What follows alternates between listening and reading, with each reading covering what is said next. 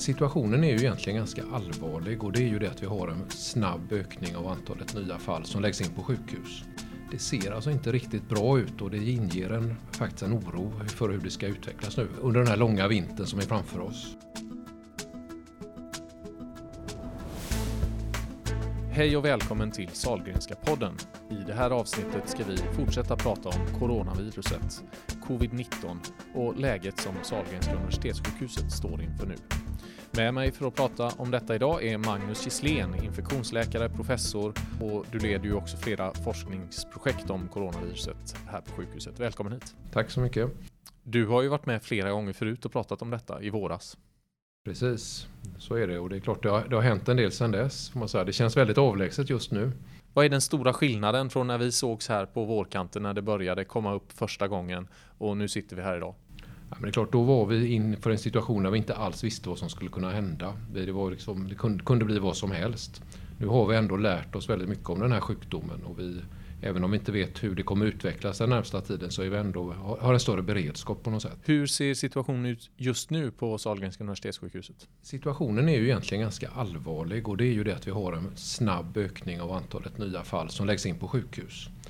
Eh, även på intensivvården, även om det släpar efter lite grann. Så att det ser alltså inte riktigt bra ut och det inger en, faktiskt en oro för hur det ska utvecklas nu under den här långa vintern som är framför oss. När smittan kom och gick upp kraftigt i våras då, då kom ändå, väntade ändå sommaren då ju virus normalt sett sprids lite sämre och så vidare. Vi är ute mer och jag vet inte allt som gör att det smittar sämre så att säga. Men, men nu står vi inför tvärtom inför den stora influensa och virussäsongen. Det, det har ju visat sig att det här verkar vara ett virus som faktiskt har den här säsongsvariationen som, som vi kanske förväntade oss också från början. Men att det sprider sig mest på vintern.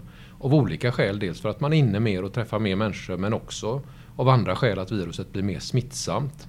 När det är kallt, det blir, eh, det luftfuktigheten är lägre, det är mindre solljus och det är många faktorer som säkert spelar in. Så att, och det är klart vi har många månader framför oss nu och det, det, det, det inger en oro även om vi förstås inte vet hur det kommer bli. Men kan du säga någonting om vilka är det som blir så sjuka idag att de behöver vårdas på sjukhus? Eh, kan du säga något om hur det ser ut bara i dags nu-bild?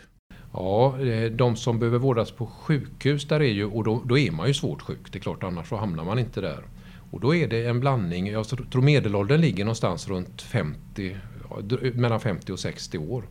Eh, och majoritet män och det är ännu mer tydligt på de som ligger på intensivvården där medelåldern ligger på runt 60 år och det är en kraftig övervikt av män.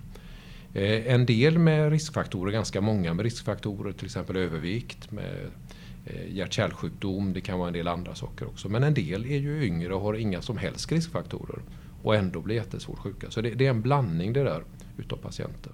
Hur ser det ut fördelningen, så att säga, andelen som behöver IVA-vård? Nu, nu, har, nu är vi ju mitt i uppgången här så det kanske är tidigt men kan du säga någonting om det? Att i våras var det ju en ganska hög andel av de som fick sjukhusvård som också behövde IVA-vård.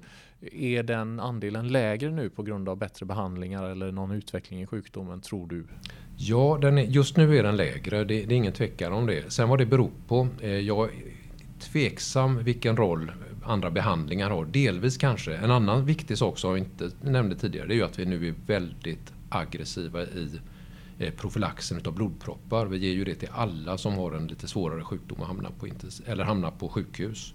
Tidigare kunde man få blodproppar eller man riskerade Absolut. det? Absolut, och det, det, har visat sig att blodproppar är jättevanligt vid covid-19. Eh, vanligare än andra infektioner. Man kan ju få det av andra svåra infektioner också men här är det ännu vanligare. Och det är till och med så att har man, även de som har profylax, alltså får blodförtunnande direkt, har en risk att få blodproppar. Och det vet vi och vi är väldigt aktiva på något sätt och försöker hitta det och behandla det. Och det tror jag har haft en betydelse för dödligheten och har en betydelse för att minska dödligheten. Men sen den här andelen som skiljer sig nu att det är lite färre på IVA än så länge. Det kan bero på att det är en annan kategori patient. Att det är lite yngre. Som inte är friskare i grunden Lite sätt. friskare i grunden. Sen, sen är en sak som är viktig att komma ihåg tycker jag i det här sammanhanget det är ju att den allra viktigaste riskfaktorn det är ålder. Det går liksom inte att komma ifrån det. Och det har ju diskuterats mycket i media och så vidare att man är en frisk 70-åring. Varför kan jag inte vara likadan som en lite sjukare 50-åring? Men åldern slår ut allt annat när det gäller riskfaktorer. Även en frisk 70-åring har stor risk att bli svårt sjuk i en covid-19 jämfört med en mindre frisk 50-åring. Så att åldern är jätteviktig. Du, påverkan på lungorna har du pratat om. Vi har ju haft en, faktiskt en, en internationell nyhet i veckan här om att vi har eh, hjälpt till att dubbelt transplantera lungorna på en person som ju har varit mm, en av de svårast sjuka och har legat i inte bara respirator utan i en väldigt avancerad respirator som heter ECMO. Då, där vi till och med har bytt ut lungorna. Och jag, jag läste ett citat från, från Göran Dellgren då hos oss som, som ju sa att lungorna var helt förstörda. Eh, vad, vad, kan du säga, hur påverkas lungorna? Vad är det? det måste ju finnas många intressanta studier på det av sjukdomen. Vad händer med dem? Det är klart, har man varit jättesvårt sjuk och legat på intensivvård under en lång tid så påverkas lungorna för de, hos de flesta. Men i de allra flesta fall i ganska liten utsträckning på lång sikt. Många som har haft bedrövliga lungbilder på röntgen till exempel och legat i respirator har ju visat sig att de faktiskt i princip blir återställda sina lungor. Så det är ju det vanliga och även en del får säkert restsymptom och kanske inte samma lungkapacitet som innan. Men väldigt många blir oerhört mycket bättre. Så det är klart den här patienten som behöver lungtransplantation det är ju en ytterlighet eh, liksom när det går så illa. Och det är klart en del som säkert kommer att få en del lungskador men de allra flesta får faktiskt det, det återhämta sig. Eh, och det gäller ju de som har legat på intensivvården. Utav de som är lite mindre sjuka, eh, har sin lunginflammation och sin covidinfektion i lungorna, så blir de flesta, som vad vi vet nu, i förhållandevis bra. Alltså de flesta blir nog återställda helt och hållet. Fast det kan ta lång tid. Så det är ju också hoppfullt egentligen. Och då, då kommer man tillbaka till det här som är oron och det är ju väldigt mycket liksom ansträngningen för vården. Den här vågen av patienter och all annan vård och allt ska liksom klaffa och vi ska räcka till så att säga. Hur pratar ni på infektionskliniken om, om nu på morgonmötena hos er? Ja, nej, för det är en väldigt viktig fråga det där och det gäller kanske inte minst på intensivvårdsavdelningar som ju faktiskt har slitit väldigt mycket och det är, det är mång, mång, eller mycket personal som faktiskt är trött och känner sig sliten och känner nu att och en andra våg, en ytterligare en gång, orkar vi verkligen det? Sen tror jag samtidigt, och, och det, så som diskussionerna går, är ju att Många tycker det här är jättejobbigt och det, och det är påfrestande och att det liksom ska komma igen. Men samtidigt så finns det ju en eh, vilja att hjälpa till så mycket man kan. Va? Det här är, visst, det, det, situationen är som den är. Vad ska vi göra? Vi kan inte göra något annat än att bara jobba på och göra det bästa utav det. Så det finns ju en eh, vilja bland alla att göra det absolut bästa trots att det är ett väldigt svårt läge. I andra vågskålen finns ändå några ljusglimtar och en handlar väl just om att professionen har lärt sig att ta hand om sjukdomen mer. Vad är det, vad är det ni har lärt er? Egentligen är det ganska många saker och en viktig del tror jag det är att sjukvårdspersonalen och intensivvårdspersonal, läkare, sköterskor lär sig känna igen symptomen på patienterna. Man lär sig på något sätt att se vilka är det som har stor risk att bli svårt sjuka? Hur snabbt kommer det gå? Så man är beredd att ta hand om komplikationerna. Hur, hur eh, vårdar man en patient på intensivvården som ju är en oerhört avancerad vård och de här patienterna är ju extremt sjuka de som ligger på intensivvården. Långa vårdtider, jättedåliga lungor, jättesvåra att syresätta. Men man har lärt sig, hur ställer man in respiratorerna, hur tar man hand om dem på bästa sätt. Så det är den ena delen. Sen har vi också lärt oss, vi har fått en del behandlingsmöjligheter som säkert kan påverka lite grann i varje fall. Det finns ett antiviralt läkemedel och framförallt just det här att vi ger kortison eh, till alla som har en kraftig inflammation, nästan alla som har en kraftig inflammation. Och det har ändå visat att det minskar dödligheten eh, lite grann i varje fall. Det visste vi inte alls i våras eller bara i mars, april? Nej, det visste vi inte och det spekulerades ju om det kunde vara så att kortison, vi visste ju att man får en kraftig inflammation. Eh, men samtidigt finns det en del andra sjukdomar där om man då ger kortison så kan det ha en negativ effekt. Eh, och det skulle kunna vara så på samma sätt med den här sjukdomen så därför gavs det inte till alla.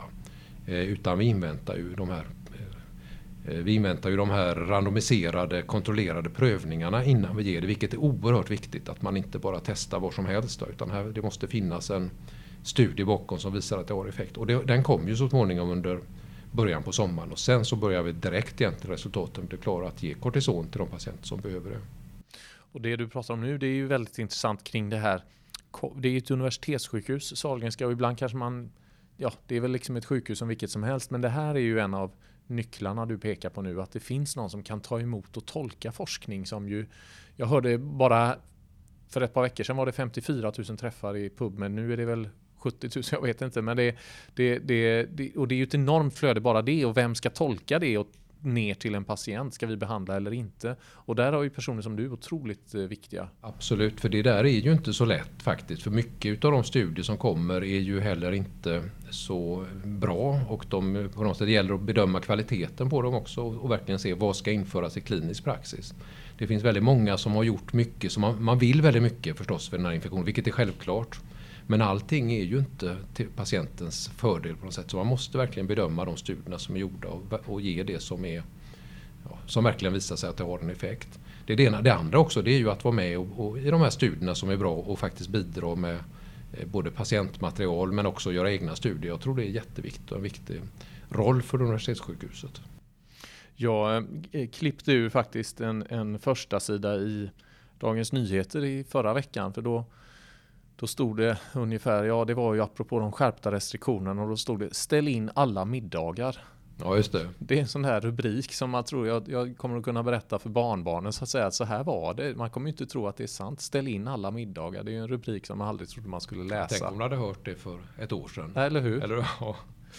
Du, det känns ju ganska mörkt i världen på många sätt nu. Men utifrån ditt perspektiv, vad, vad, vad, vad ser du för hopp framöver här? Ja, nej, det är klart att för, det här kommer ju gå över någon gång. Eller det, gå över kanske är fel ord, men vi kommer kunna lära oss att leva med den här infektionen. För att den kommer gå över, det tror jag inte. Även om vi får fram ett vaccin, vilket verkar lovande, så kommer ju inte det ta bort infektionen helt och hållet. Den kommer finnas där.